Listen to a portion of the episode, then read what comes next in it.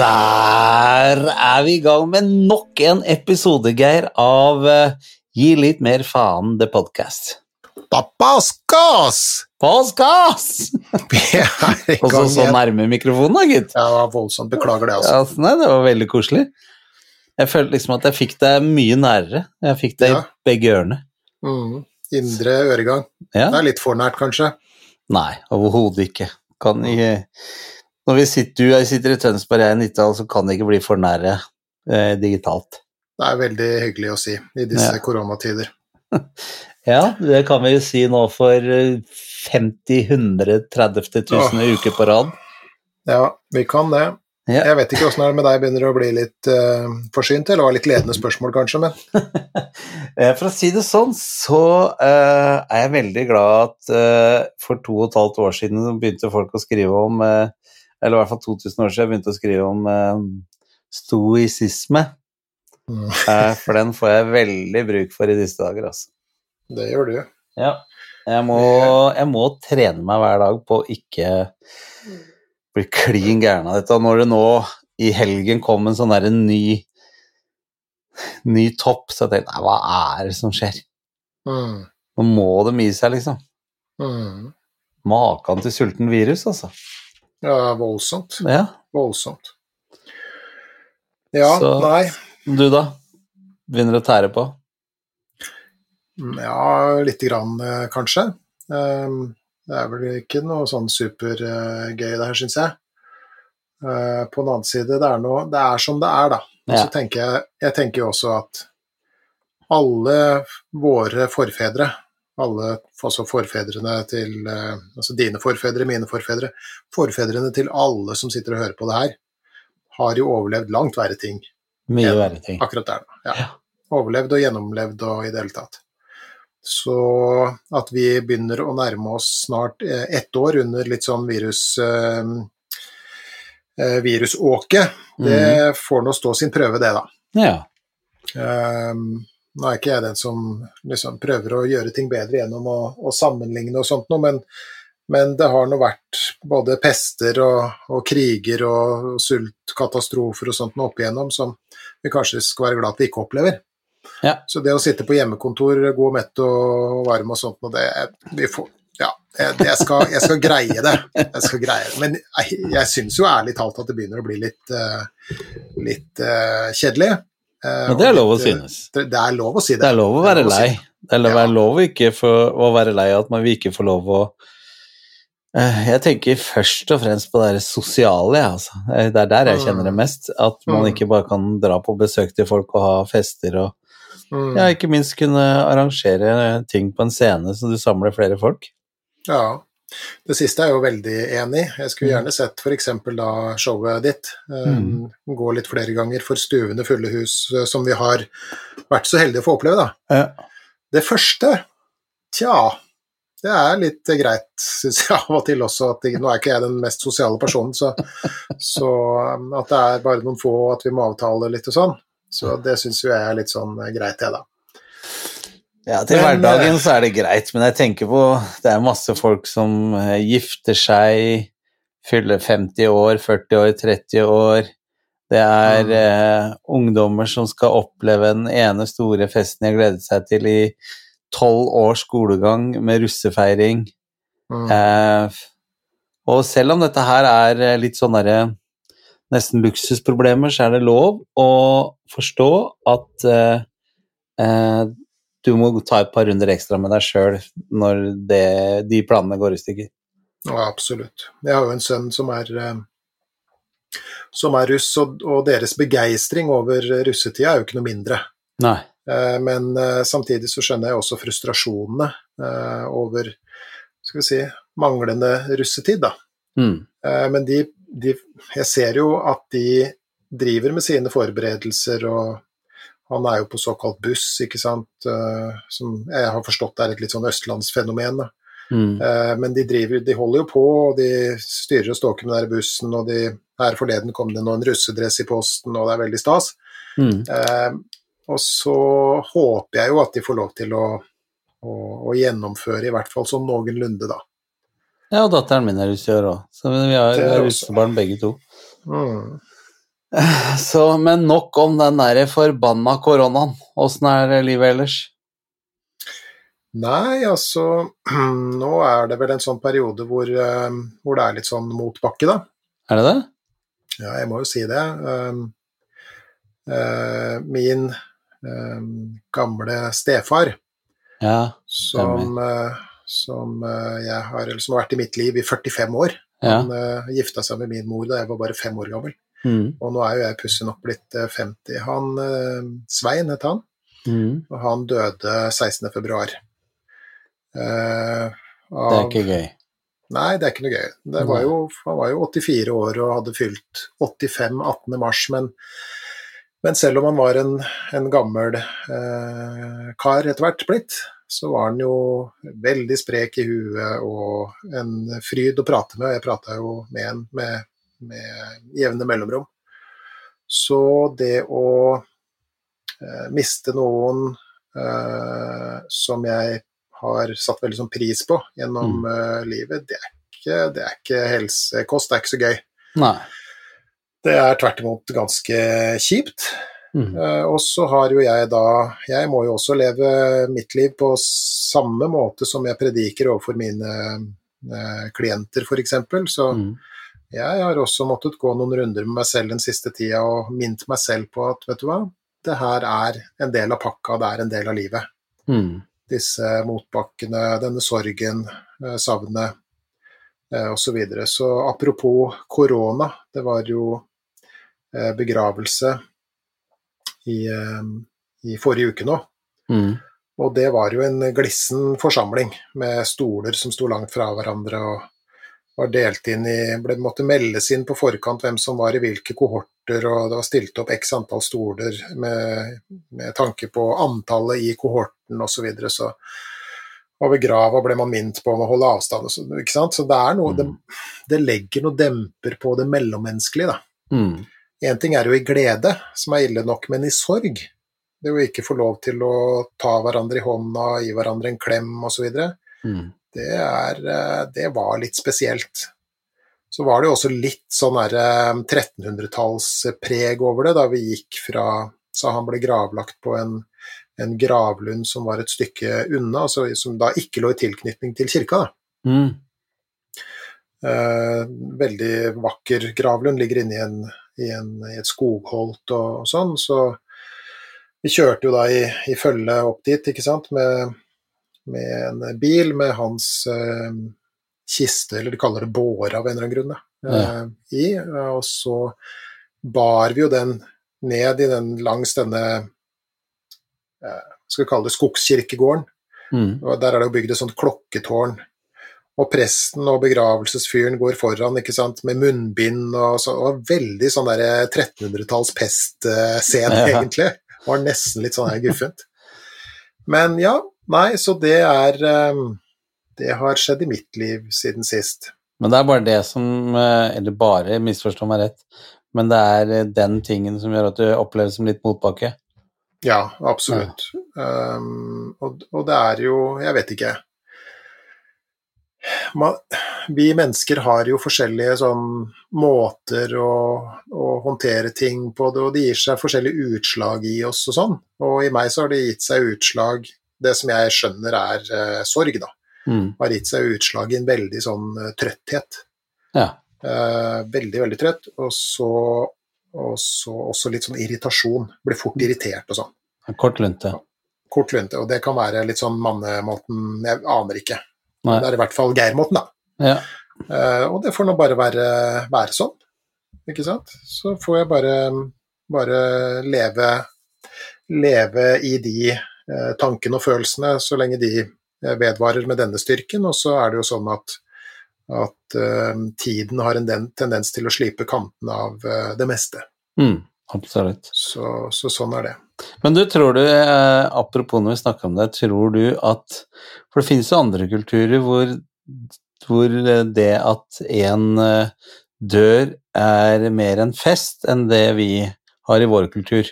Mm, sant? Det er jo nå skal han endelig starte på sitt etterliv, og Nå Mm. skal han til Nirvana. disse, Det finnes jo mange forskjellige, og noen steder så er det jo en stor, stor fest.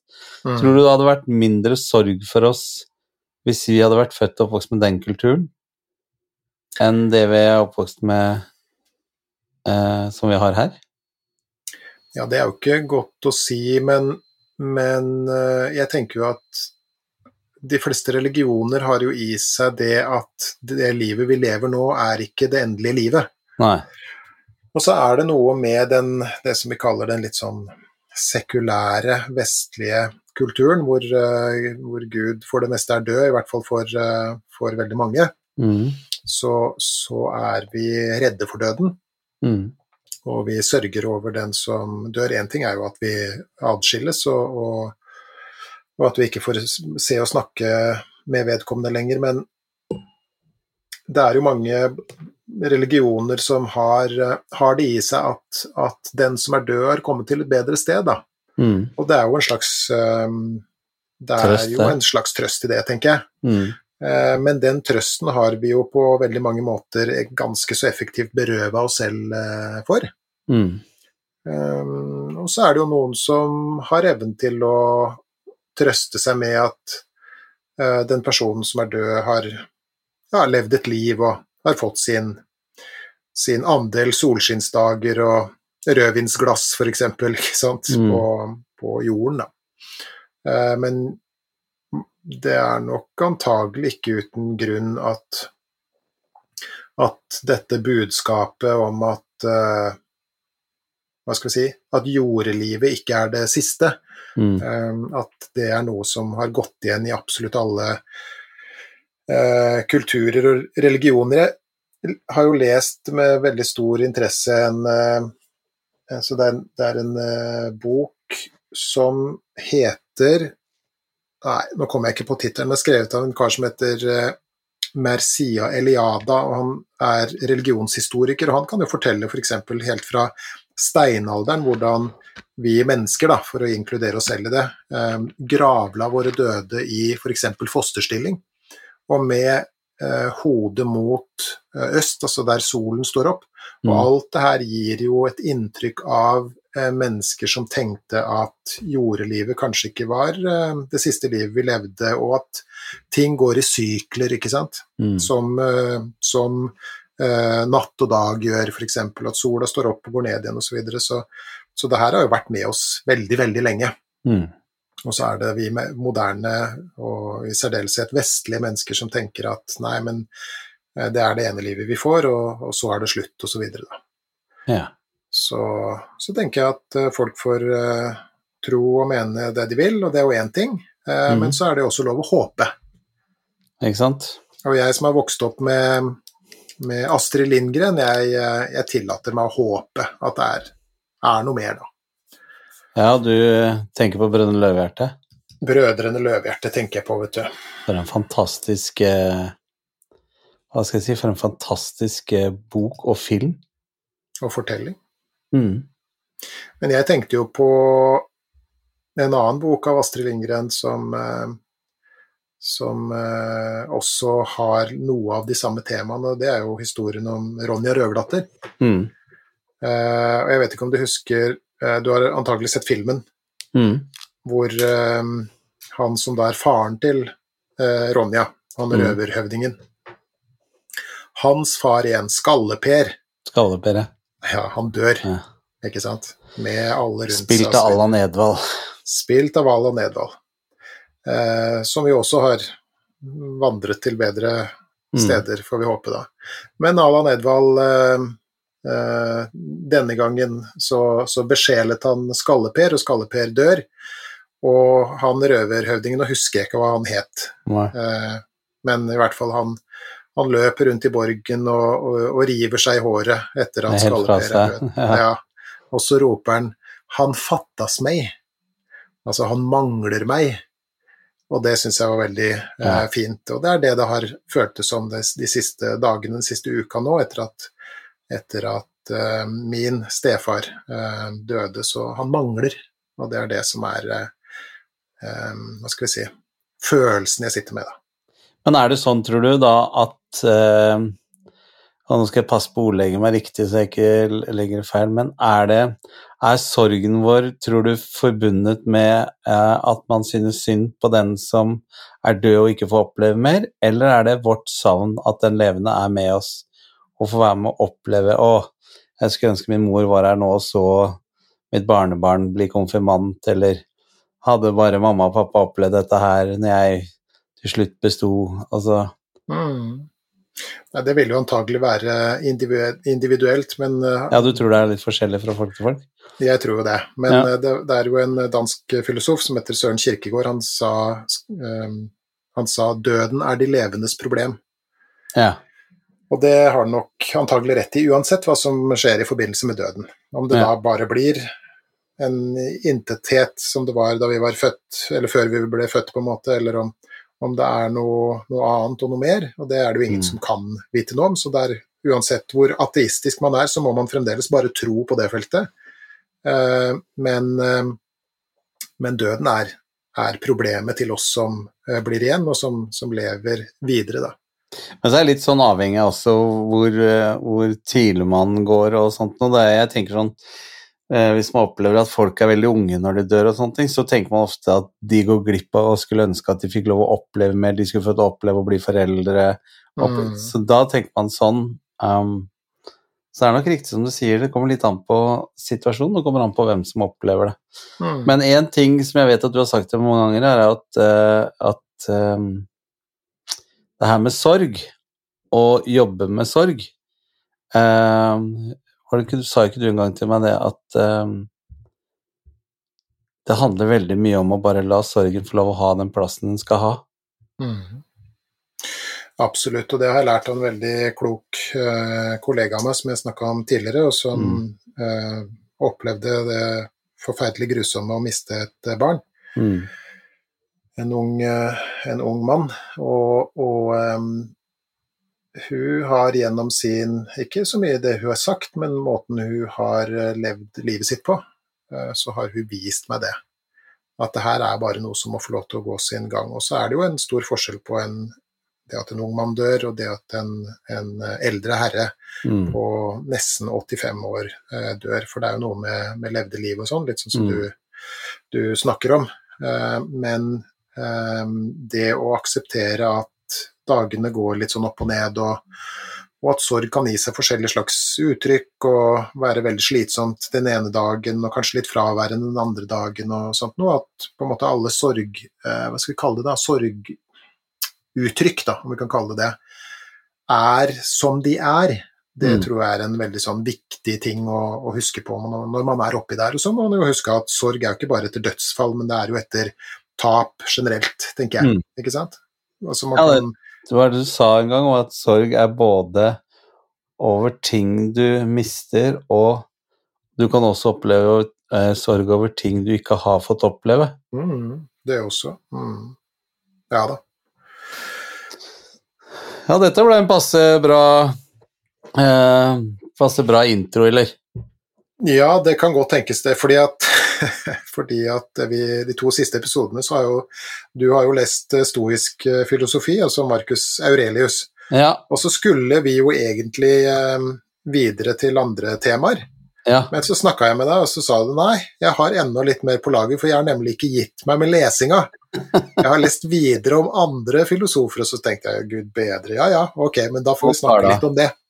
Ja, ikke bare at, altså, Det er ikke sånn at jeg har lyst til å sitte her nå og si nå har jeg opplevd han, nå har jeg oppdaga han filosofen og han filosofen, men det jeg syns har vært litt gøy, er jo etter at vi, jeg snakket med deg om dette her i de to, første, nei, de to forrige episodene, eh, så eh, så ble jeg av en eller annen rar grunn interessert i å finne ut mer om eh, fellestrekkene. Også det finnes jo mange kjente stoikere, sant? Eh, og jeg blei jo veldig fascinert av Aurelius. Eh, men så begynte jeg å se hvem er det han har henta sin inspirasjon, inspirasjon fra.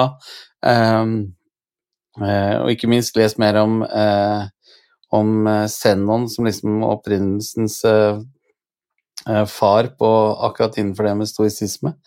Eh, og det som var at Aurelius eh, eh, studerte og leste veldig mye fra en annen som, som bodde i Roma, men som eh, ikke var eh, opprinnelig fra Roma, han heller. Og det var jo Epiktetus. Mhm. Og nå husker jeg ikke helt eh, 100 han må bare hjelpe meg, men jeg mener i hvert fall han var eh, Han kom til Roma som en gresk slave, Mhm. og han ble etter hvert eh, frigitt, eh, ble løst ut fra sin slavekontrakt, og eh, studerte stoisismen. Og praktiserte det helt til han Ja, han blei vel faktisk eh, sendt i eksil tilbake til Hellas, han tror jeg, på slutten av, av livet sitt.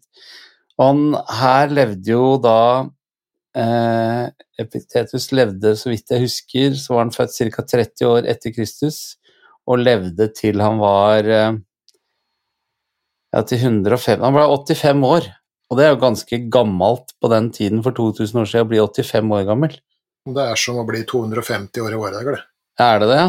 Nei, ja, sånn cirka i hvert fall. Det var relativt lav eh, gjennomsnittsalder på den tida, så det er jo en anselig alder. Ja. Nei, så leste jeg eh, en del av hans eh, skrevlerier, og eh, ikke minst eh, Seneca også. Eh, og så tenkte jeg at eh, for å runde av den biten her, sånn, så hadde jeg lyst til å trekke ut Er det noen fellestrekk blant disse gutta? Er det, noe, er, det, er det de, akkurat de samme tingene de sier? Og ikke minst er det noen grunnprinsipper innenfor stoisismen som som de alle forholder seg til, men har sine opplevelser eller sine tolkninger, eller hva man ønsker å kalle det. Og, og det syns jeg var innmari spennende å, å finne ut av. Og, eh, og ikke minst det herre Hva er liksom de ja, hva skal jeg kalle det, de fire grunnpilarene da, innenfor stoisismen. Og den er de veldig tydelige på, alle, så vidt det kan godt tenkes at jeg feiltolker, at jeg bare ikke er så flink til å studere. Men sånn jeg har skjønt det, så er det liksom de fire grunnpilarene som hele tiden har lagt grunnlaget for det videre tanke- og filosofiske arbeidet de, hver enkelt en av de gjorde. Da. Du, er, du går jammen meg inn i det med hud og hår. Det får en si, altså. Men jeg forstår det ikke ellers, jeg, jeg må jo ja, det er sånn her, her er jo sånn philosophy for dummies uh, som jeg praktiserer, tror jeg. Mm. litt, det er nesten litt sånn piler og fargetegninger, og så går det lettere inn hos meg.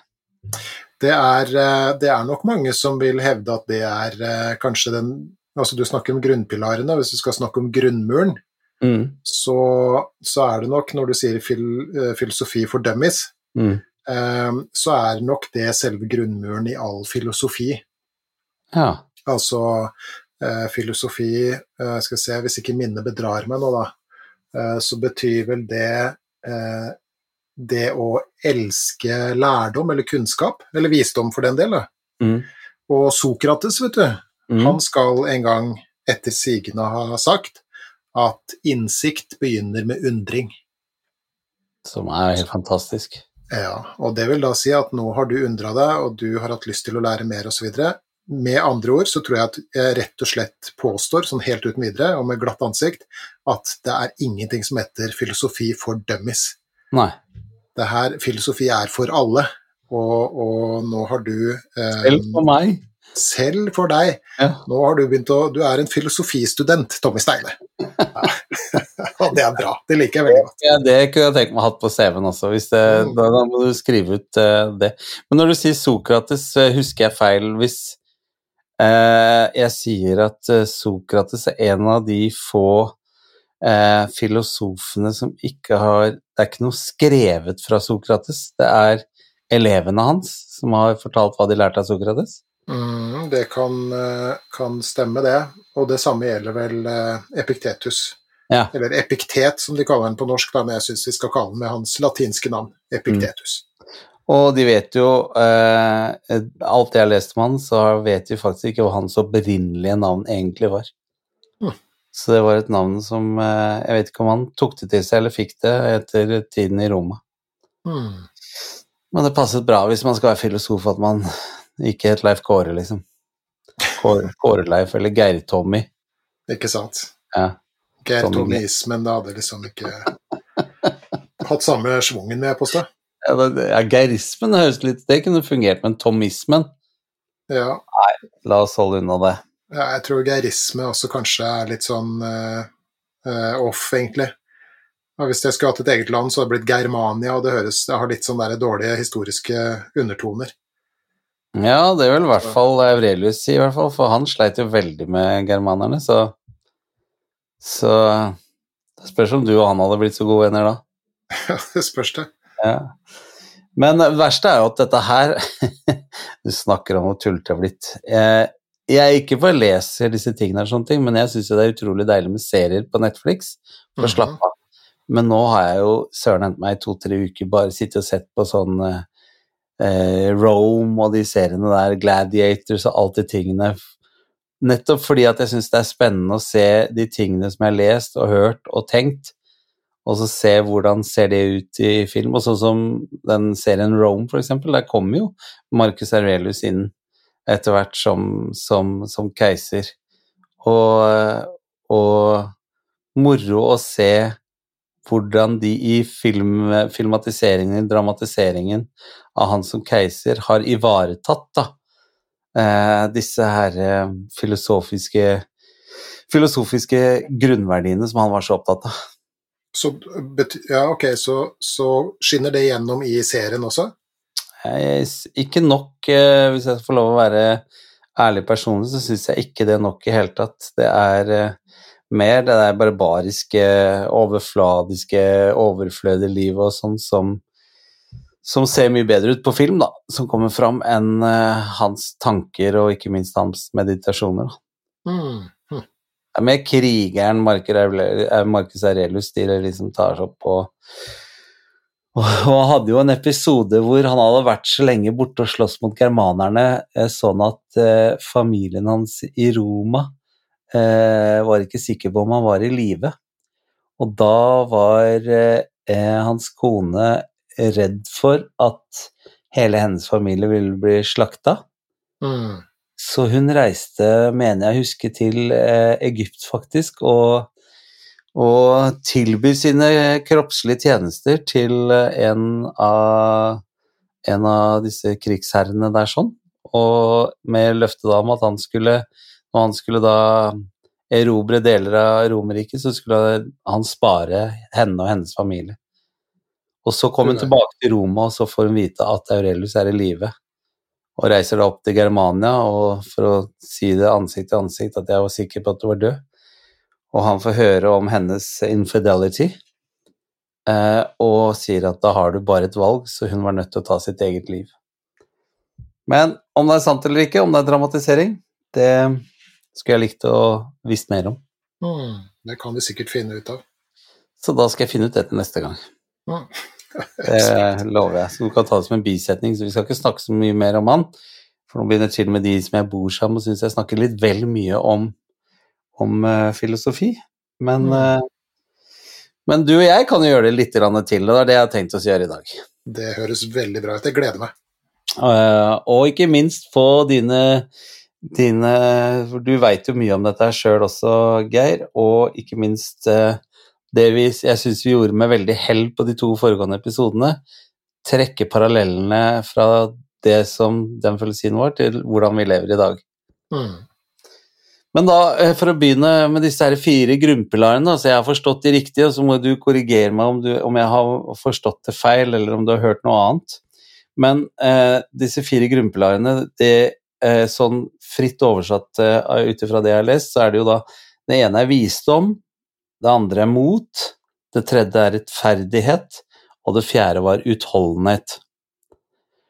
Og bare så eh, eh, jeg får eh, eh, lagt min forståelse inn i det, så eh, søkte jeg også på hva ligger i det. Altså hva Fordi det er jo fire fine overskrifter, men betyr det akkurat det jeg tror det betyr, eller ikke?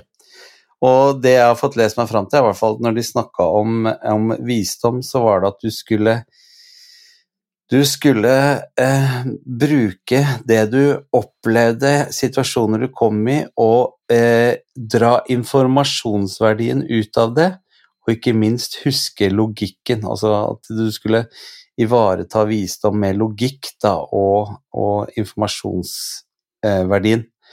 Og så sa du til meg at eh, ja, det med logikk er ikke sikkert det betydde det samme da som det vi tenker i dag, og hva mente du med det da?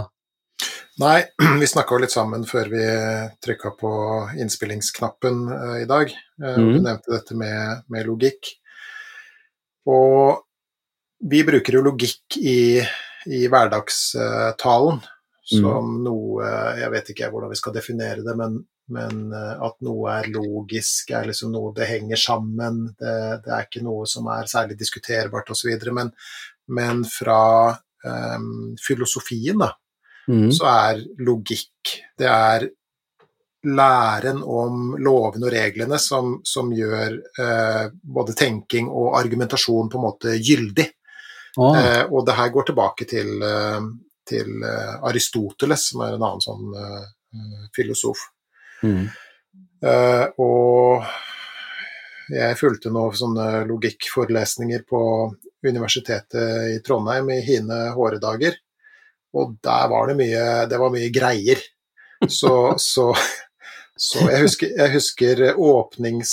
Uh, hva skal vi kalle det? Åpnings replikken eller åpningssetningen fra, fra, han som var foreleser på den aller første eh, forelesninga jeg var på. Det var det som, kall, ble, som kalles X-FIL, eksamen mm. filosofikum. Og han sa eh, 'væren er'. Skjønte ikke en dritt. Og så fulgte han opp med 'ikke-væren er ikke'. og da holdt jeg på å gå min vei, for da tenkte jeg at det her, det her orker jeg ikke. Men uh, i hvert fall, logikk er, uh, dreier seg da om en, en, en, et, Du kan kalle det nesten et, et, studie av nettopp lover og regler for, for tenking og, og, og, diskusjon og resonnering. Ok. Her ser du, det er godt å få sånne, sånne sidekick inn på akkurat det området. Eh, men ja, mot vet du, vet du, ja. ja, vet du, kattelyd så søtt, da. Ja, men uh, han må sikkert pisse, skjønner du, så jeg vet ikke riktig hvordan vi skal gjøre det her. Det er ingen hjemme. Er du aleine hjemme? ja, jeg er det. Å, ja, da må du gå og slippe den ut, da. Ja, skal jeg gjøre det? Men skal du bare snakke mens, du, eller? Ja, da kan jeg ta og lese videre på det jeg har lest om mot, og så okay. fortløpe.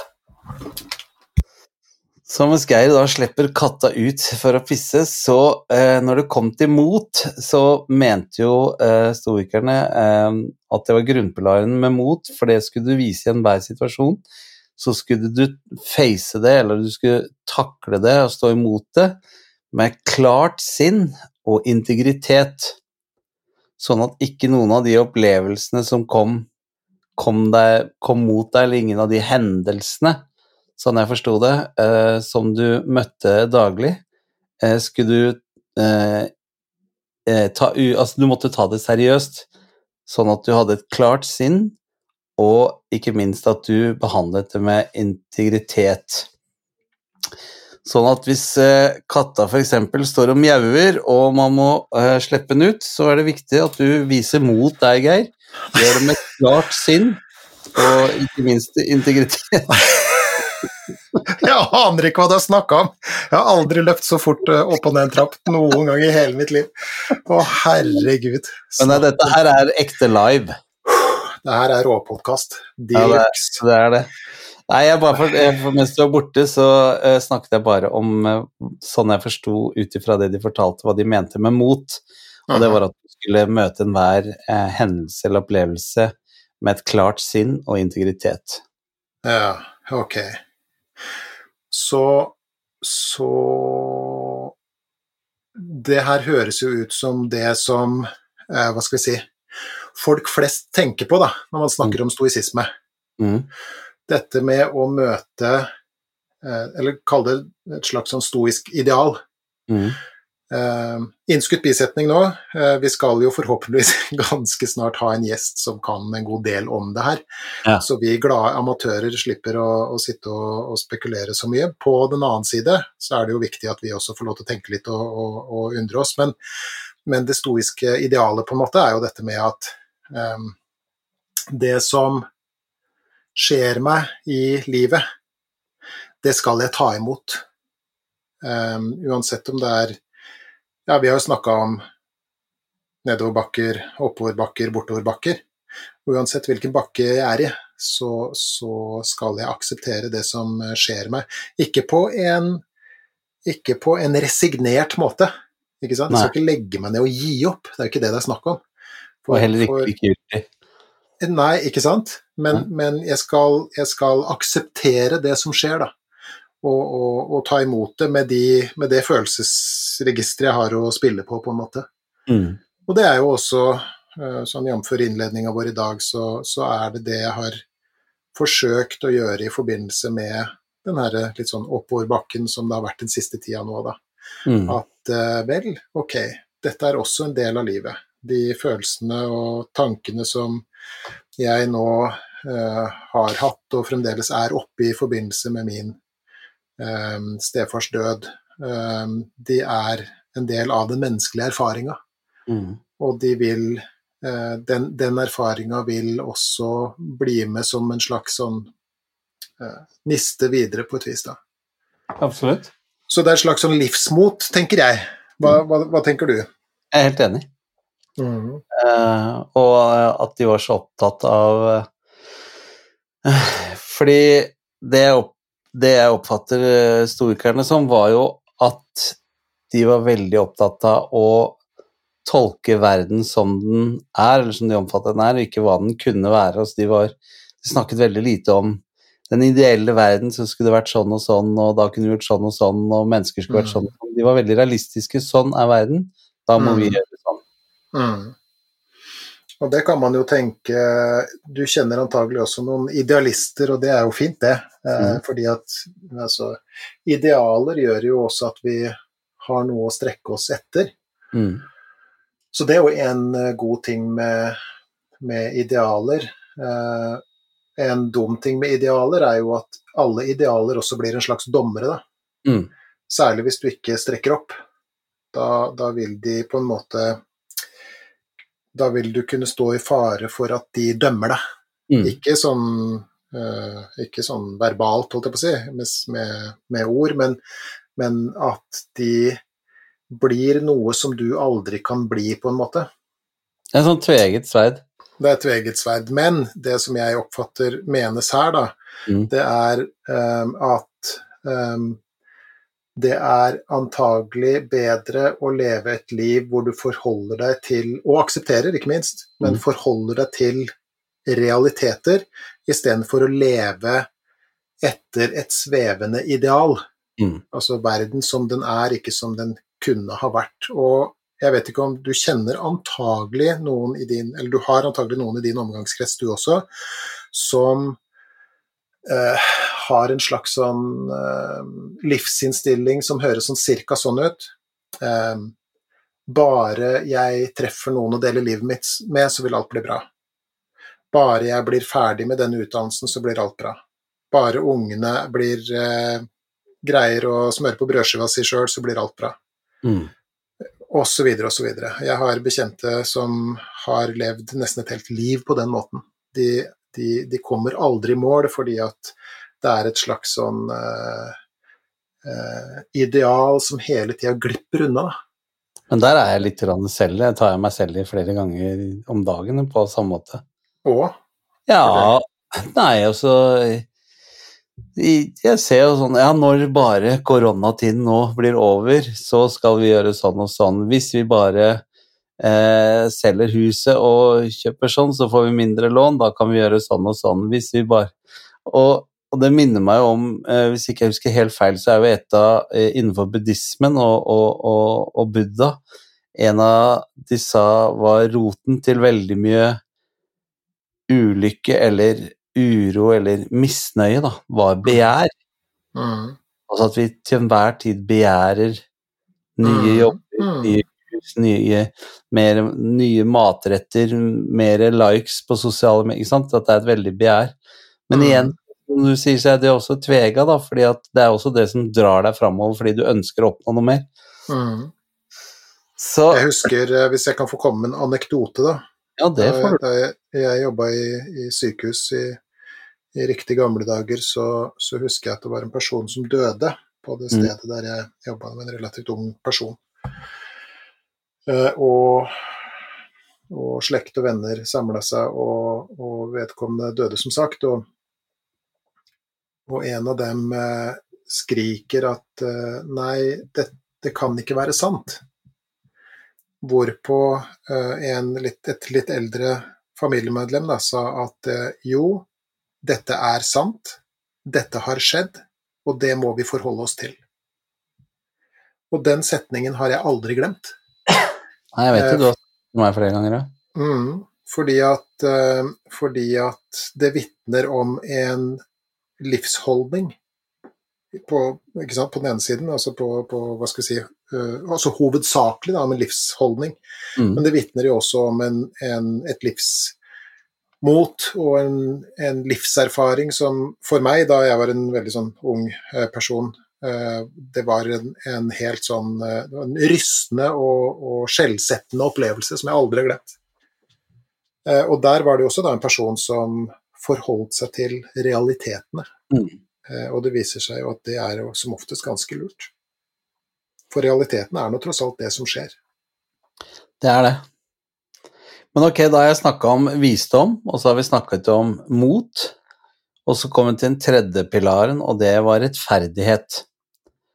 Og stoikerne var veldig bevisst på at man uansett eh, Alle man møtte, uansett hva slags Om de var slaver, eller om de var presidenter, eller om de var keisere, eller om de hadde den hudfargen eller den hudfargen eller den religionen eller den Uansett så skulle du møte alle og behandle de med rettferdighet og godhet. Mm.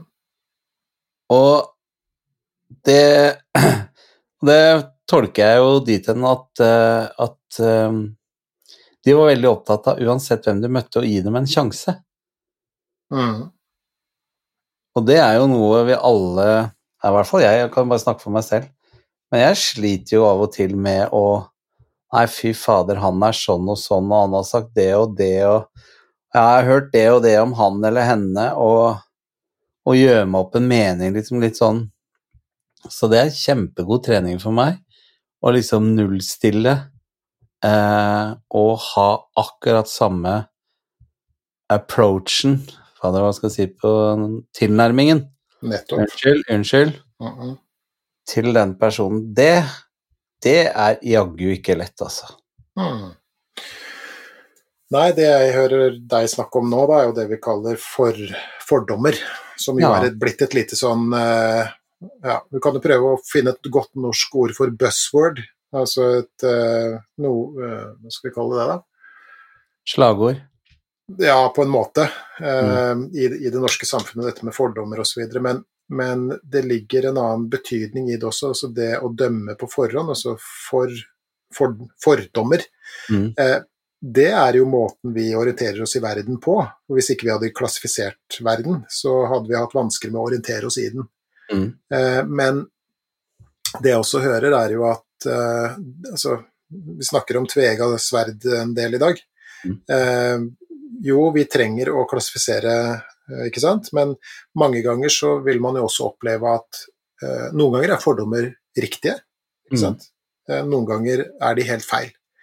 Og jeg tenker at det er akkurat det vi må være åpne for, å mm. kunne justere vår oppfatning av f.eks. et annet uh, menneske. Da. Mm. Selv om vi da går inn i en uh, situasjon med en viss det vi kan kalle en forforståelse, mm. at vi da er uh, redelige nok til å, å kunne endre oppfatning underveis. Mm. Det er jo superviktig. Jeg har jo gode eksempler fra min egen kliniske hverdag, hvor jeg kan møte mennesker og så tenker jeg, aha, ok, så det her er et sånt og sånt problem. Det her kommer til å gå kjempefint. Mm. Tre-fire timer så er vi på, på veien, liksom. Mm. Og så viser det seg at nei, nei, jeg har gått glipp av nyanser osv., og, så videre, og det her er altså helt annerledes enn jeg trodde da.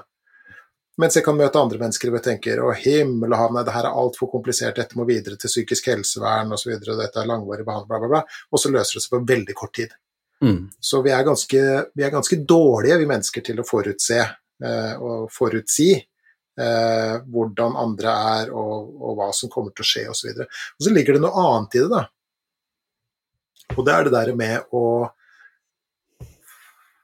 å ha, så godt man kan i hvert fall, og Nå har ikke jeg lyst til å bli noe moralistisk, eller det her er ikke noe moralpreken i det hele tatt, men, men, jeg tenker at det kan jo, hvis man har lyst, og hvis man ikke har lyst, så lar man være, men hvis man har lyst, så kan man jo ha et slags sånn ideal også om å behandle alle mennesker eh, likt, ikke sant? Det var en eller annen og Der har du problemet mitt igjen. ikke sant? Husker at det er sagt, husker ikke hvem som sa det. Men det er en eller annen eh, sånn eh, toppsjef eller noe sånt noe i internasjonal uh, forretningsverden eller noe sånt noe. Kanskje i Norge, hva vet jeg, som sa et eller annet med at han var oppdratt til å behandle både renholderen og direktøren på nøyaktig samme måte. Og det syns jeg jo er en fin Altså med mindre han er et rasshøl både mot uh, renholderen og direktøren, så er det jo én ting, da, men var, jeg tror nok ikke det var det. Uh, var det ikke han var i det? Nei, jeg tror ikke det. Men, men, eh, det å ha den samme respekten og nysgjerrigheten eh, for både renholderen og, og, og direktøren, tenker jeg er et godt ideal. da. Ja. Ikke sant? Um, og så er det noe med at du, du er aldri verken viktig nok eller kul nok til ikke å være grei mot folk. Nei. En av mine kolleger har et veldig sånn godt, uh, godt prinsipp som hun av og til snakker om. Hun, hun sier uh, eh, det koster så lite å være hyggelig. Ja. Og det syns jeg er et godt prinsipp, da. Absolutt. Eh, behandle, behandle, andre sånn som du har lyst til å, å bli behandla sjøl. Mm.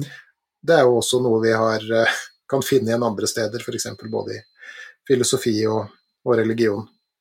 Absolutt. Absolutt. Helt enig. Så det er rettferdighet, da. Så det er jo en god grunntanke. Og så da fjerde og siste grunnpilaren til stoikerne, det var jo utholdenhet.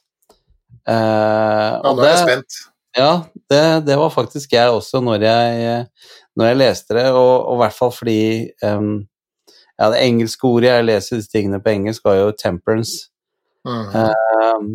Uh, så det, men det de mente med det, var at eh, på alle livets arenaer, altså uansett når i livet, så skulle du opptre med disiplin.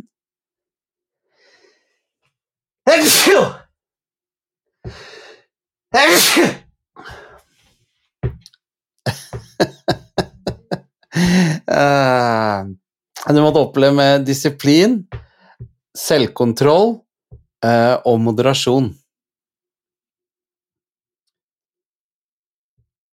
Nå tror jeg du må skru på mikrofonen, for jeg hører ikke hva du sier. Nei, der var den, ja. ja. Um, Sa du prosit ned nøys, eller ble det bare, slo du av lyden bare fordi Nei, jeg slo av lyden fordi at jeg skrev um, Jeg skrev litt. Uh, ja. Men ja, prosit. Absolutt. Ja, uh, disiplin og selvkontroll. Og moderasjon. Og moderasjon. Det høres mm. jo litt sånn uh, likt ut, i hvert fall de to første. Mm. Um, hva Altså, har du, har du, sett noe mer på det? Fikk du noe mer sånn, inntrykk av hva det uh, handler om? Én ting er jo uh, moderasjon. Mm. Alt med måte osv. Det, er jo, det er jo flere som har snakka om det, bl.a. legekunstens uh, far. Det å, å, å, vise moderasjon i både inntak av mat og drikke og sin framferd for øvrig. Mm. Men dette med med disiplin, da. Hva tenker du? Nei, det som var morsomt, var at eh, jeg prøvde å finne ut mer om det, og det som var gøy, var at Eller gøy, hører du. Eh, det jeg syntes var spennende, var at eh, når jeg ikke fant noe på det i beskrivelsen av selve grunnpilaren, så begynte jeg å se på det de sa var prinsippene for hvordan man kunne bli en stoiker, da. Altså um, Og da skjønte jeg det bedre. Uh -huh. Sånn at uh, uansett om jeg leste om Aurelius eller Seneca eller Epiktetus, så kom de inn på det her i disse ja, Hva er det vi kaller de? Uh, regler, eller uh, Ja, som jeg har sagt hele tiden. Um, og da forsto jeg det. Mm -hmm. Jeg forsto det bedre, dette her med, med disiplin eller selvkontroll, i f.eks. måten eh, alle historikerne sa at man skulle føre en journal De følte jo journaler både kveld og morgen. Og det var Ok, en så journal, så, sånn slags som dagbok, da, eller? Dagbok, ja. Ok. Sånn at eh, også, så, så når vi har disse fire grunnpilarene her sånn i bånn, så satte jeg meg ned, og så trakk jeg da eh, ut fem eh, ja, ja, Hovedpoeng er vel kanskje feil å kalle det, men fem ting som jeg syns er utrolig fint, og som var felles for de alle. Mhm. Og hør på dette her sånn. Eh, punkt nummer én. Vær bevisst på dine inntrykk. Oi, det kan Ja. jo bety mye. det, ja, det kan bety mye. Men stoikerne er veldig på det. Her kommer vi tilbake til det vi har sagt i 48 episoder, og om igjen med, med, med metakognitiv terapi også. For det de var veldig opptatt av, var at du ikke skulle handle eh, med en gang uten at du var bevisst på hvilket inntrykk du har. ikke sant? For de inntrykkene som du sitter med, det farger selve hendelsen, og ikke minst aksjonen du gjør. Og de var veldig på at de skulle hele tiden sile det de opplevde. Er, det, er dette noe som er under min kontroll, eller er det ikke? Og er det under din kontroll, reager eller act. Er det ikke under din kontroll, ignorer det. Ja, det har jo det har vi snakka mye om. Ja, ikke sant? Og det ligger jo også ganske sånn sentralt i det vi kaller metakognitiv terapi, og som jo regnes som å være en supermoderne eh, eh, Hva skal vi kalle det Nytt tilskudd da, til, eh, til psykologien. Mhm. Og så er det sånn at disse tankene er tenkt for tusenvis av år siden. Det det Jeg leste jo, jeg leste jo, et, eh, leste jo et, eh, et sitat av han eh, Epiktetus, ja. hvor han skrev at det er, det er fritt oversatt det her, da. Eh, Det er eh, bare én vei til eh, fornøydhet, og det er eh, gjennom å legge bort eh, bekymringa rundt eh, ting som ikke kan påvirkes eh, ved hjelp av vår eh, vilje, på en måte. Og det er kanskje en komplisert måte å si følgende på. Det du ikke har innvirkning på, det kan du øve på å la ligge. Og det er veldig morsomt, fordi at i denne forestillingen som vi har, Mm. så har jeg tatt med et sitat fra boken din, som du vet, helt på slutten av showet. Mm. Og det er jo nesten akkurat det samme. Mm. Gjør noe med det du kan, gjør noe liksom du har kontroll over, eller nå må du rette meg på ordrett for det du sier. Gjør noe med det du kan påvirke, og øv på å la det andre ligge. Mm. Mm. Det er jo akkurat det samme de sa for 2500 år siden, eller 2000 år siden. Med andre ord kan det være noe i det. Ja, altså når så mange over så lang tid tar det opp igjen og opp igjen og opp igjen. Eh, Og Aurelius ikke sant, var jo en av de som han sa akkurat det samme. Mm. Og nå Ja, kunne jeg gått inn på, fordi historikerne hadde også en liste over ting de mente vi mennesker hadde kontroll over, og en liste over de vi mente vi ikke hadde kontroll over, som vi snakka i de andre episodene. Men det er jo sånne eksempel jeg viste deg til det med å skyte en pil mot fienden. Mm. ikke sant? Idet pila forlater buen, så har du ikke noe du kan påvirke lenger. Eh, og det var de veldig, veldig tydelige på. Så vær bevisst på dine inntrykk, var det ene. Og så punkt nummer to.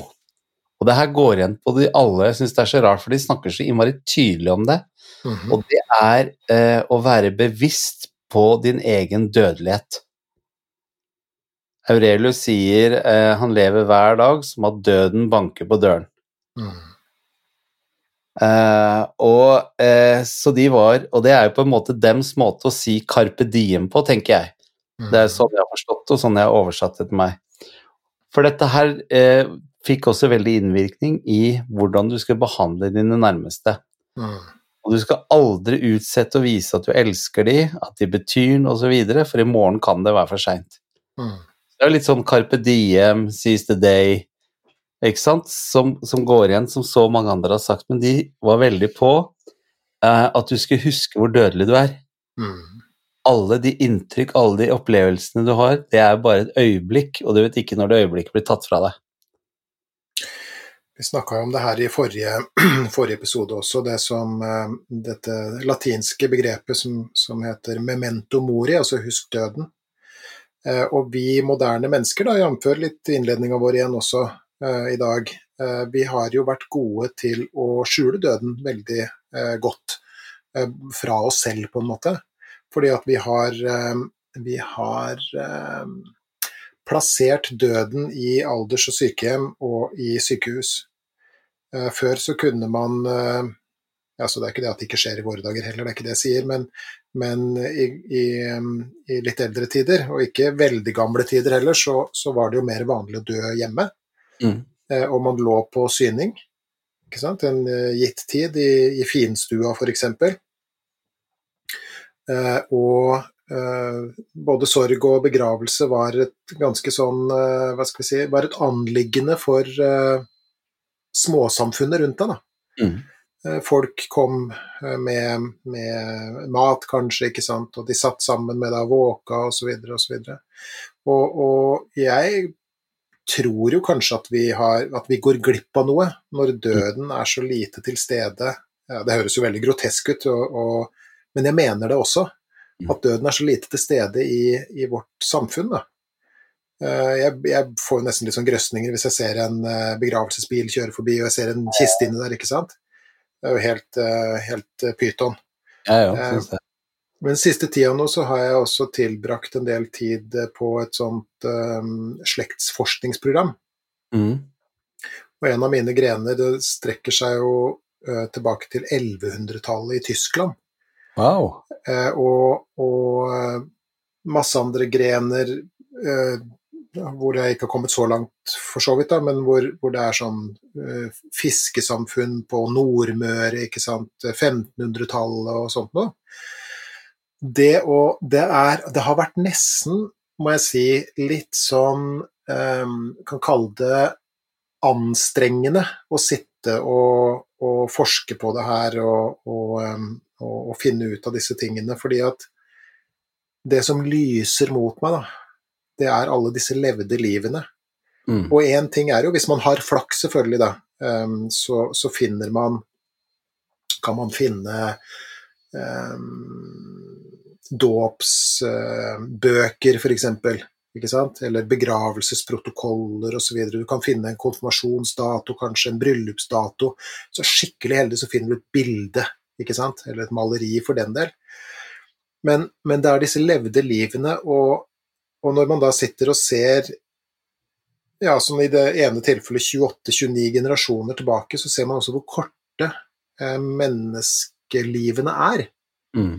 Én ting er jo at det var en, eh, en lavere leve, forventa levealder på den tida, det er jo én ting. Men eh, det er som det står i, i en stor eh, og, og, klok bok, så står det at menneskenes eh, liv på jorden er kort og er fylt med angst, eller noe sånt står det. ikke sant? Det er vi lever, eh, vi lever korte liv. Og mm. i vårt samfunn, og nå snakker jeg om det vestlige samfunnet, så, så, kan det se ut som vi, og igjen da på gruppenivå eller på samfunnsnivå, at vi er At vi forsøker å skjule det faktum at vi alle skal dø. Mm. Eh, vi forsøker å skyve det fra oss så godt vi kan. Eh, noen gjennom hva skal vi kalle det, nytelsessyke og, og, det å skaffe seg posisjoner og, og inntekter osv. Men, men det er ingen lommer i likskjorta, og en dag så står mannen med ljåen der for oss alle. Mm. Ikke sant? Og jeg tror jo at eh, Og du har helt sikkert også lest fortellinger fra folk som da f.eks. har overlevd ulykker eller en hjertestans eller noe sånt noe, og hvordan man kan få en, en ny um, et nytt syn på livet, da, et nytt syn på kjærligheten og relasjoner osv. Det er jo det som f.eks. da ehm, et juleeventyr av Charles Dickens handler om. ikke sant? Gamle, gamle Skrue, som det heter på norsk, som, mm. som uh, virkelig får, får uh, livet sitt bretta ut foran seg, all sin gru, og også sin egen død, og blir påminnet hva som er eh, viktig. Så jeg syns det er et veldig, veldig godt uh, uh, prinsipp. Mm. Er, er, det noe du går rundt og tenker på? Altså, jeg er veldig sånn, oppmerksom på, på, døden og har vært det siden jeg var bitte liten, men åssen forhold har du til det? Jeg opplever i hvert fall at jeg er blitt flinkere til Eller jeg veit du hater ordet flinkere. Jeg er blitt mer bevisst på å eh, nyte litt mer dagen i dag enn å frykte dagen i morgen. Litt, bitte litt. Mer eh, fokusert på det. Det var vel en eller annen klok mann som sa at vi, vi går rundt og bruker så mye energi på å frykte døden at vi glemmer å leve livet. Mm. Um, og eh, ja, nei, jeg oppfatter meg selv som at eh, de siste, siste årene uh, har jeg blitt mer Sikkert noe med alderen å gjøre òg, veit du at det er bare 30-40 år, så ligger vi i pennalet også. Mm. Uh, så litt flinkere til å nyte stunder. Men Eh, frykter, frykter du døden, da? Egentlig ikke så veldig mye. Jeg har ikke lyst til å dø. Jeg, å nei. Langt ifra ikke lyst til å dø i hele tatt. Men jeg gidder ikke å bruke så mye tid på å, på å gå rundt og, og være redd for den. Men jeg går ikke ut på Jeg var jo på Romsdalseggen i sommer, jeg går ikke helt ut på kanten for det. Jeg ikke frykter døden. Eh, jeg er ganske Jeg er mye mer glad i livet enn jeg er redd for døden. Mm. Hvis det går an å si det sånn.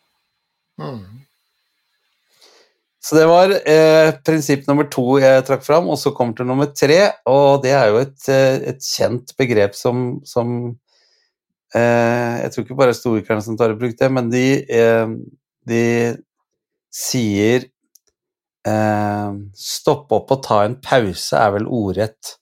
Det prinsippet er som jeg har fritt oversatt til tell til ti.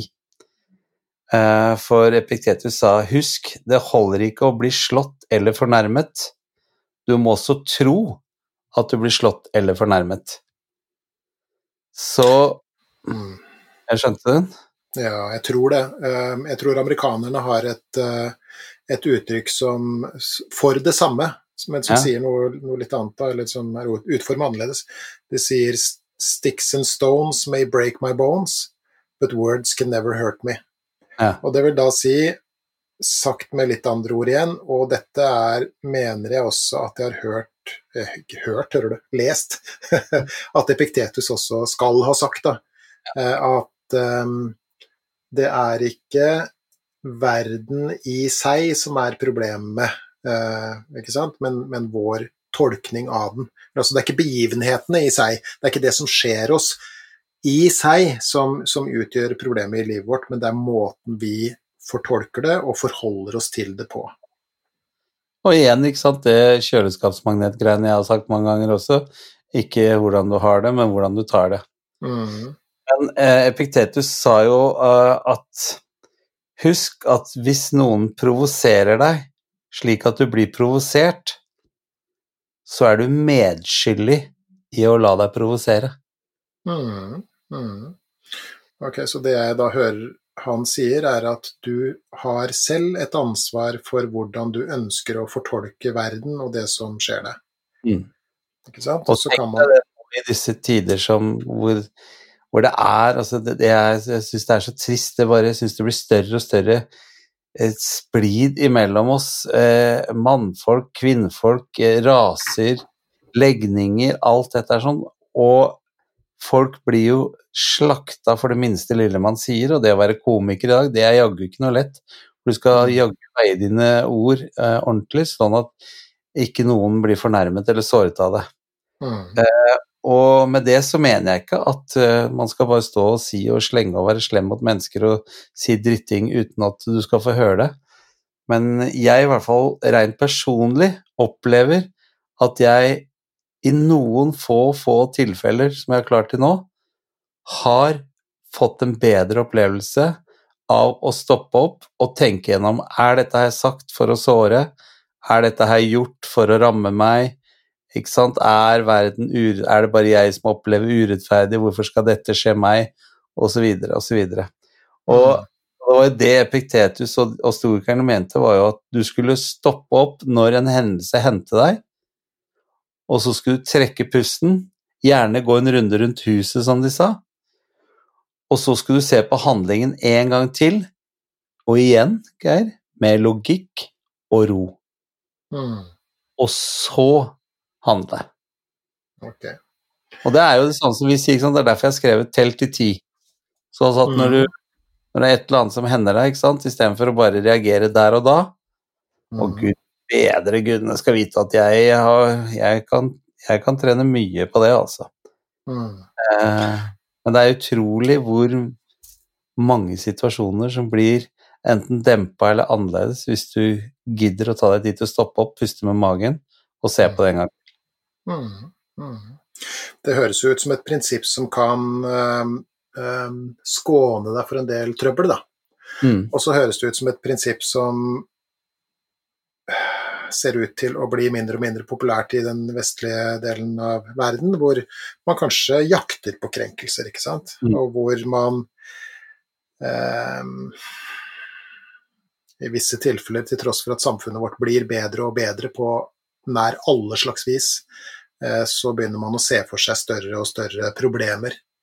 Uh, en av mine yndlingsintellektuelle, en, eh, en uh, engelskmann som heter Douglas Murray, han uh, har et uttrykk som han kaller St. George in retirement, altså den, eh, den uh, pensjonerte Sankt Georg som vi har snakka om. da. Sankt Georg var jo han som drepte dragen. Men det som Douglas Murray snakker om, er jo at det var antagelig ganske kult å drepe den der dragen, for han fikk mye oppmerksomhet for det, Sankt Georg. Så det som skjedde, var at etter at alvirakken hadde lagt seg, Mm. Eh, så dro Sankt Georg ut for å finne flere drager, men du vet at det er ganske langt mellom drager i vårt eh, samfunn. Men han fant nå en og annen, eh, slengte litt sånn her og der og sånt, og han drepte de også, og- ble bejubla selvfølgelig.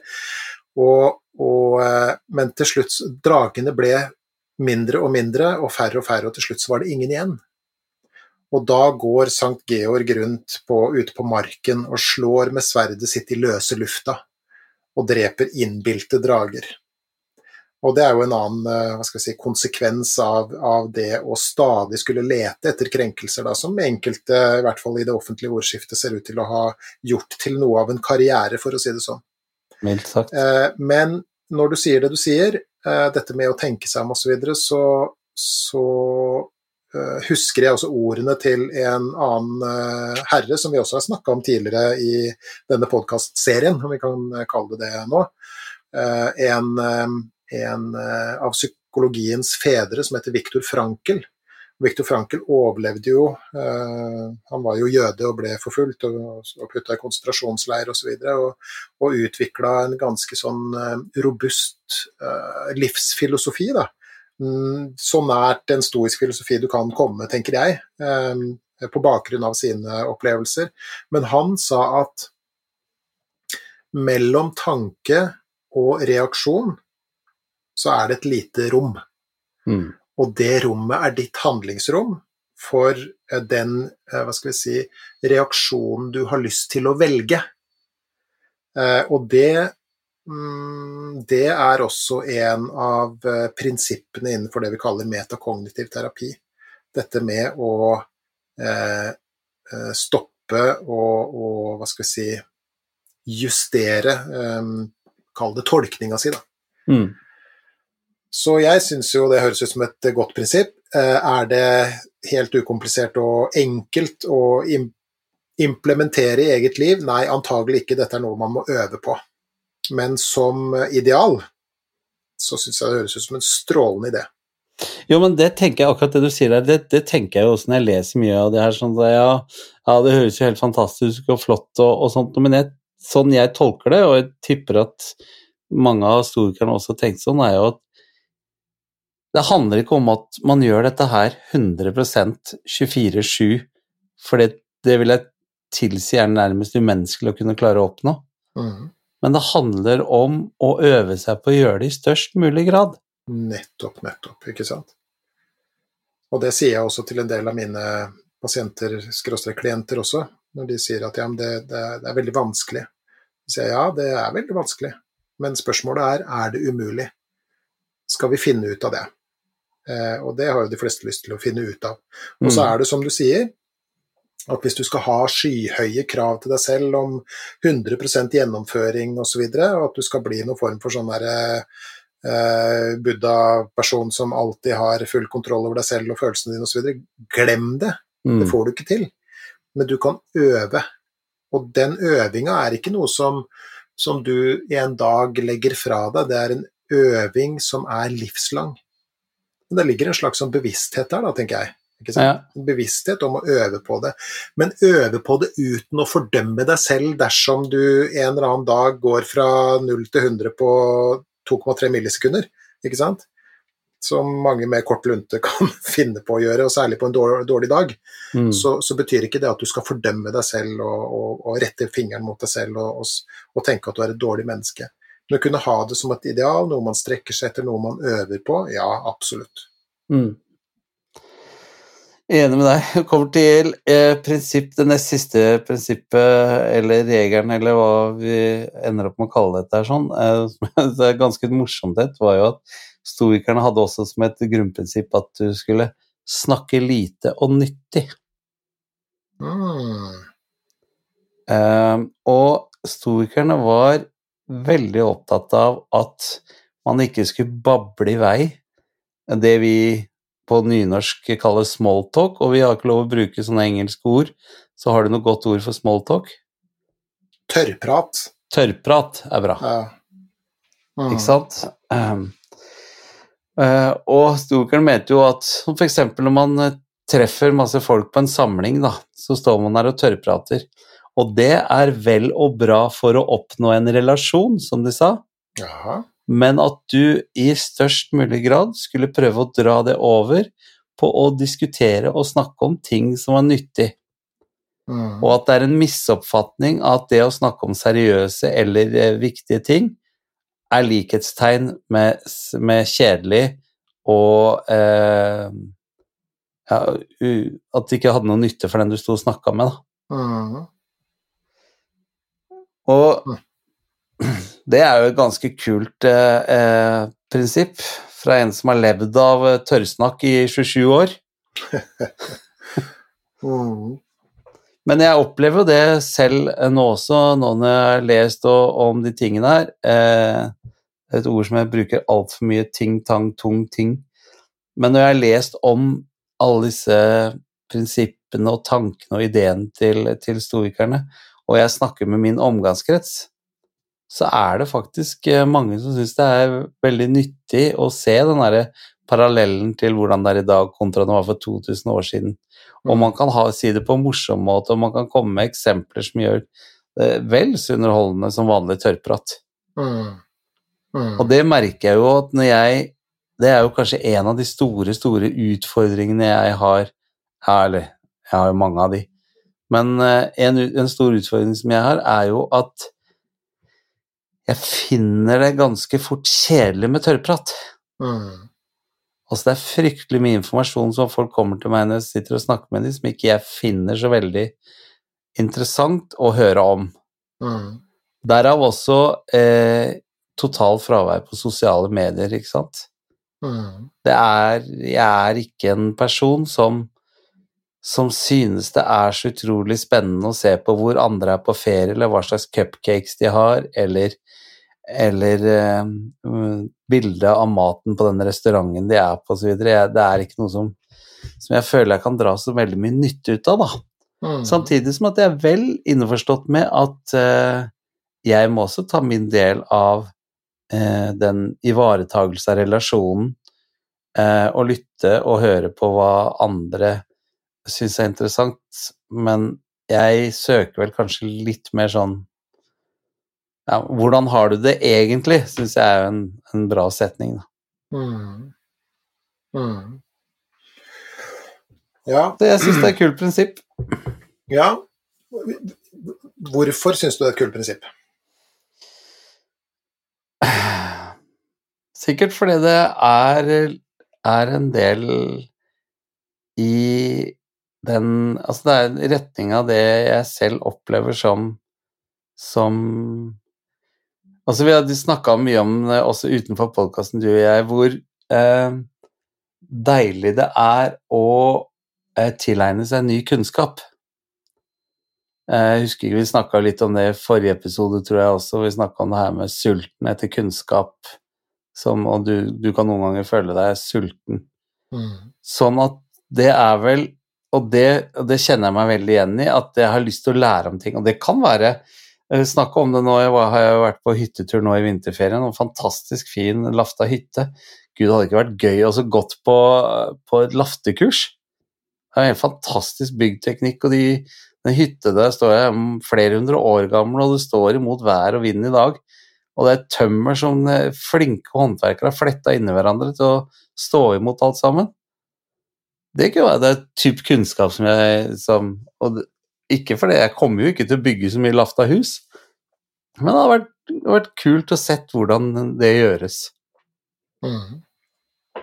Så jeg mener det er mye viktigere for meg enn å høre om, eh, om eh, hva slags type mat de spiste når de var på den og den restauranten i går, og, eh, og Stoikerne sa også, eh, det må jeg ta meg for det har jeg skrevet P, eh, obs, obs på Hvis de var så veldig på at du skal aldri snakke om andre mennesker med annet enn godhet.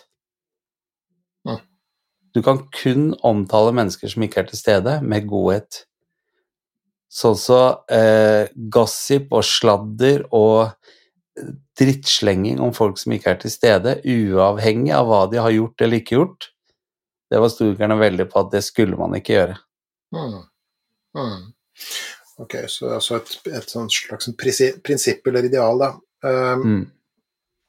Når du nevner dette, eller dette, det foregående prinsippet som du snakker om, dette med å, at man skal uh, være uh, kortfattet i sin tale, på en måte. Jeg vet ikke om uh, Har du sett sånne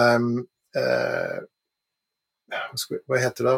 Ja, ikke ikke skilt, men sånn Det sto ofte en sånn beskjed ved siden av telefonen i gamle dager. Mm. I riktig gamle dager, da. Eh, hvor man eh, ringte rikstelefon, og det var dyrt og sånt noe. Så kunne det stå 'fatt dem i korthet'. Mm. Og det er det idealet Eller det er det jeg hører når du eh, forteller eh, om det her. Altså dette med at, eh, at eh, det er et ideal at din tale skal være så presis som mm. mulig. Så, mm. så kall det så destillert eller, eller kortfatta og bære med seg eh, Bære med seg den nødvendige informasjon. Mm. Eh, det høres ut som et uh, ideal i gamle dager. Nå er ikke jeg på Twitter, uh, heldigvis. Det, det, er litt av et sted. Sånn apropos krenking og sånn. Men, men, i gamle dager så hadde man på Twitter 140 tegn til rådighet. Mm. Og det stilte en del eh, krav til formuleringsevne for å få ut et budskap. Og Av og til så kunne man jo kanskje ønske seg selv at man hadde 140 tegn til rådighet når man skulle si ting også. så kunne man ha vært, um, vært uh, mer presis. Vi lever jo Jeg vet ikke om du er enig i det her, det er en påstand fra min side, og, og, og de som hører på trenger jo nødvendigvis ikke å være enig i de heller, men, men min påstand er at vi lever i en slags sånn pludringens tid, da. Eh, jeg mm. husker jo um, Jeg husker jo radio fra da jeg var eh, liten. Der var man ganske eh, presis i sin tale. Mm.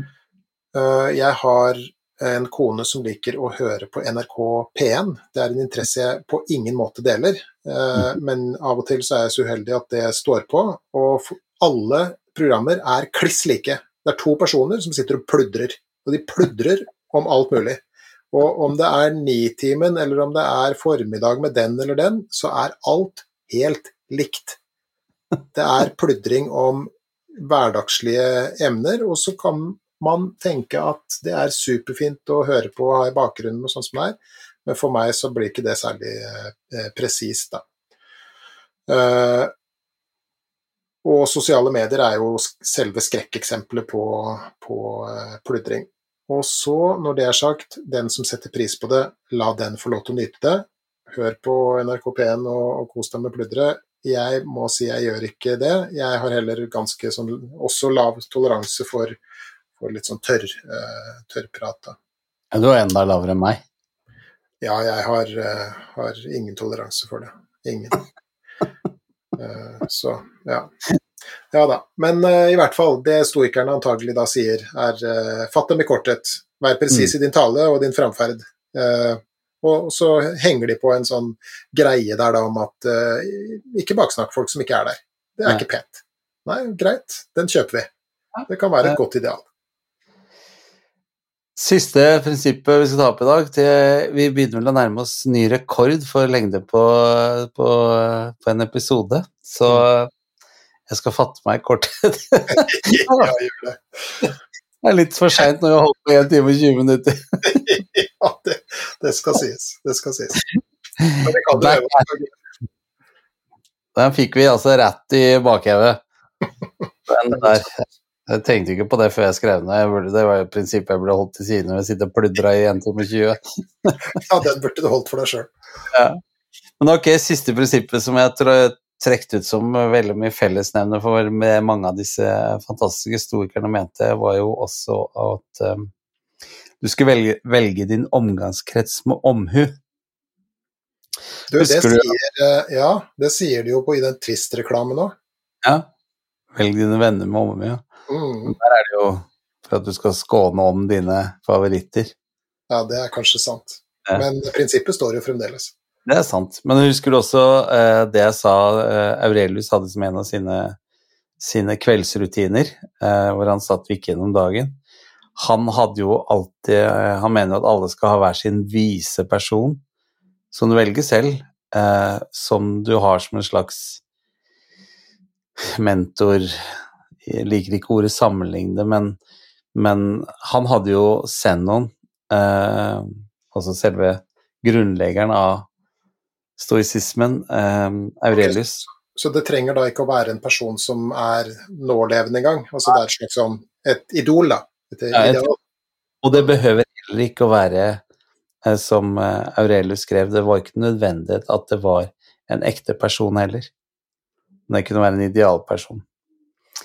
Men uh, han sa jo Han trakk jo Når jeg gjorde sånn, jeg tenkte sånn Hvordan ville Zenon ha gjort det? Hvordan ville han Er dette i tråd med det han Så det var hans liksom rettesnor på mange av tingene. Og det går jo igjen, da, ikke sant, det her med velg en omgangskrets med, med omhu. Og stoikerne var veldig på at du skulle velge eh, omgangskretsen din basert på eh, om det er mennesker som har noe du kan lære av. Og det behøver ikke å at det var en lærd person som var høyere utdanna. Jeg har jo møtt personer i, i jobben som, som, jeg jobber i dag, som barnevernet, så møter jeg ungdommer på 14-15-16 år som lærer meg om ting jeg ikke har tenkt over før i det hele tatt. Mm. Og det er jo så nyttig for meg, og det, jeg føler at jeg utvikler meg som menneske hver eneste dag. Jeg er åpen for å ta inn informasjon som jeg ikke hadde fra før av. Og det er mer enn én gang om dagen jeg sier til meg sjøl Hm, det der visste jeg ikke, det har jeg faktisk, sånn har jeg aldri tenkt på det, det jeg har ikke sett det fra den siden før i hele tatt. Mm. Det mente historikerne, at det var veldig viktig at de du omga deg med, og som du tilbrakte eh, livet ditt med, var personer som kunne eh, lære å utvikle deg som menneske. Mm. Og at du også var det for din omgangskrets der klinger jo litt inn i memento mori, dette med, med å huske at du skal dø osv. For meg, da. Eh, mm. Fordi at eh, det handler om tid, og hva du skal bruke tida di på. Vi har i noen tidligere episoder snakka om dette med relasjoner. Mm. Om at uh, du skal Eller du kan, du har muligheten til å velge deg hvilke relasjoner du skal bruke tid og krefter på. Ja. Vi har tidligere påpekt at det er ikke nødvendigvis sånn at, at blod er tjukkere enn mann, f.eks. Det er ikke nødvendigvis sånn at en relasjon du en gang inngår, skal være med deg resten av livet. Mennesker skal komme og gå i, i, livet ditt, og så er det noen få dyrebare som du skal, skal hegne om. Og mm. det, det, høres ut som det er det eh, stoikerne snakker om her.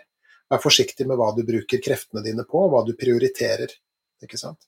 Og når du prioriterer, så prioriter folk som faktisk gir deg noe.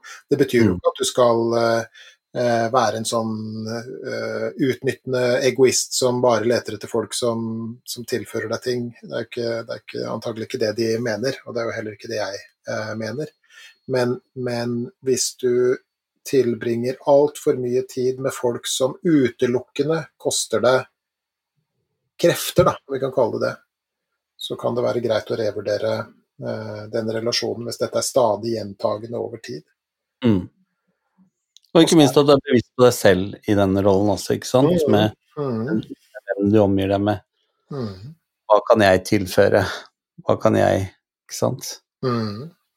Og det skulle jeg ønske at det var et prinsipp jeg lærte meg mye tidligere enn jeg, enn jeg var 51 år gammel. Absolutt. Eh, jeg, ehm, men jeg gidder ikke å bruke noe tid på det nå lenger, hva jeg kunne gjort annerledes for 20 år siden. Mm. Det har jeg igjen for. Så it's a gunner. Det er en, noe Det er som har skjedd.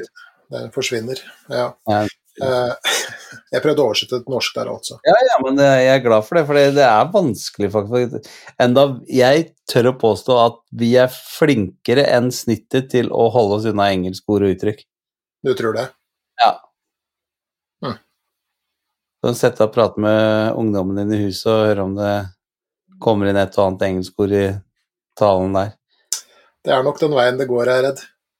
Det er det. De er jo De sitter og ser på de engelske sosiale mediene hele tiden, ikke sant. Så Ja, Og og spiller, spiller med folk fra alle verdens hjørner.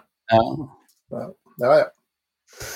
Så dette var eh, punktum finale, i hvert fall for nå, eh, av eh, Tommys dypdykk innenfor Stor filosofi. Stor filosofi. Eh, men jeg kommer til, eh, og eh, sikkert i framtiden, å komme inn med sånne smårapporter på, på hva jeg har. Som type eksempel jeg har gjort siste uken nå, så begynte jeg jo forrige Skal vi se, det er jo søndag i dag også, så det er vel i Forrige søndag begynte jeg å skrive dagbok Mhm. om kvelden og om morgenen. Og Det klarte jeg helt fram til eh, torsdag, og så var det en glippe fram til jeg begynte igjen i dag tidlig. Um, og da kunne jeg så klart slått meg i bakken og si at jeg ikke fikser noen ting, men da har jeg gjort det både søndag, mandag, tirsdag, onsdag og torsdag. Så er bare fredag og lørdag jeg ikke fikk det til. Så har jeg klart det mye mer enn jeg noensinne har gjort før. Mm. For uh, de dagene du ikke fikk det til, men det høres ut som du liksom du prøvde skikkelig, og så gikk det bare ikke. Men, men jeg tenker jo at det var de dagene du ikke prioriterte, og det er jo greit. Det er jo et valg. Så den er jo Den er jo den er grei, den. Så var jeg på hyttetur med Vi var seks eh, venner sammen på en hytte, og nei, jeg følte ikke det var riktig å ofre det sosiale med at jeg skulle sitte en halvtime for meg sjøl med PC. Jeg syns jo du kunne trukket deg tilbake med stearinlyset og fjærpennen og sagt at du skulle føre lokk over dagen. Du skjønner, du skjønner jeg holder meg til mine stoiske idealer, kunne du sagt. Du tatt med nattluen og tuslet inn i ditt lønnkammer. Ja, ja, det er jo det er bare unnskyldning. Jeg klarte jeg hadde jo ikke hatt noe problem med å stikke unna en halvtime eller tatt det rett før jeg la meg eller akkurat når jeg sto opp. eller sånt. Det er nok av rom. Det ble ikke prioritert. Nei, det er en ærlig sak, tenker jeg. Men eh, før vi runder av i dag, så er det en ting jeg har lyst å prioritere. Aha. Og det er å si til alle disse fantastiske eh, tusenvis av lyttere som vi har på podkasten vår, at vi svært gjerne vil at flere abonnerer på oss. Mm. Eh, vi ser jo at vi er så eh, privilegert at det er mange tusen som hører på hver episode. Men for oss, for å kunne ha en podkast som skal overleve og sånne ting, så må vi også kunne vise til andre hvor mange som følger oss fast. Så hvis du som sitter og hører på nå har lyst til at vi skal lage flere episoder av Gi litt mer faen, så er vi veldig, veldig, veldig glad for hvis du ønsker å trykke abonner. Og det er aldeles gratis. Helt gratis. Og det som da skjer, er at du vil få varsel i din podkast-app når det kommer nye episoder, f.eks. Og det er det som skjer, egentlig. Men, men for oss så er det super, super, super viktig. Så det syns jeg skal eh, prioritere å si i dag, og nå har jeg gjort det. Mhm. Jeg hadde skrevet det opp som et av punkt. Så Geir Vigtil, min kjære mentor, eh, livsmentor og vis mann som jeg sammenligner meg med. Eh, hva tenker du om eh, dagens episode? Du, jeg koser meg jo veldig Eh, jeg får jo lov til å, å, sitte og tenke og reflektere og komme med innskutte bisetninger så det gnistrer etter. Og, så, nei, så det her er jo helt uh, fabelaktig for meg. Jeg kan jo bare sitte og assosiere og kose meg. Uh, så jeg håper jo at du fortsetter å lese og lære og reflektere og har lyst til å snakke om det. Ja. Uh, så jeg tror jeg skal begynne Jeg skal melde meg inn i en bokklubb og begynne å selge, sende deg bøker. Ja, gjør det. Ja, rett og slett. Så skal jeg komme med mine gatebetraktninger av eh, lyriske verk. Ja, det er langt fra gatebetraktninger. Dette er nettopp filosofi. Det er å, å elske visdommen og lærdommen. Så det syns jeg har vært veldig, veldig, veldig ålreit. Ja. Og så har Men, vi da tidenes lengste episode på halvannen time. Ja, det er helt fantastisk. Men vi må, også, uh, vi må også fortsette å få mail. Eller e-post, som vi kaller det. Ja, det gjør vi. Og da kan du fortelle hvor de skal sende den elektroniske posten, da? Man kan sende et elektronisk brev med ris, ros, forslag til tema, hva, spørsmål, hva som helst, til ja. eh, gi litt mer f at mm. gmail.com. Gi litt mer f i ett ord. Mm. Ligagull. .com. Ligagull? Ja, det er det vi kaller det på Østlandet, denne krøllalfa. Så da vet du det. Og så øh, vil jeg også øh, henlede oppmerksomheten på dette nettstedet som heter t-shirt.no. T-shirt. Ja. Der får man all verdens greier. Der har folk begynt å kjøpe, det er litt gøy, da. Ja, det er så kult. Det er hettegensere og T-skjorter og all verdens greier med, med logoen til podkasten på, at eh, folk uh, kjøper det og, og støtter podkasten. Det syns jeg er veldig kult. Så det går folk rundt med, med, logoen på brøstet, og det er jo litt sånn ekstra stilig, da. Og mm. aller siste oppfordring, vær så snill og trykk abonner, og hjelp oss til å vises i jungelen av, uh, av podkaster der ute. Ja, er det noe mer du vil legge til i dag, da? Nei, i dag syns jeg vi har uh, tenkt mye og jobba godt og i det hele tatt. Det er god svett på ørene. Nå skal jeg ned og maskere um, dørkarmer og hva heter det, taklister og gulvlister og sånt noe. Min kone har startet et oppussingsprosjekt. Hvilket rom da? Hvilket rom? Alle rom! Tuller du? Nei, nei tuller absolutt ikke. Så når vi snakker om strabaser, gud hjelpe meg. Men Da ønsker jeg lykke til med maskeringa, og det er så morsom jobb, det. Ja, det er kjempemorsom jobb, men, eh, men, jeg liker jo også å se hennes glede når, har, når, hun kommer hjem fra jobb i kveld, at jeg har, eh, har maskert. Altså det, det, er helt greit, det er ikke noe problem. Ja, men Det er godt å høre. Nei, men Da snakkes vi plutselig igjen, da. Skulle ikke tro noe annet, nei. nei. Yes. Takk, takk for i dag. Takk for i dag. Vi snakkes.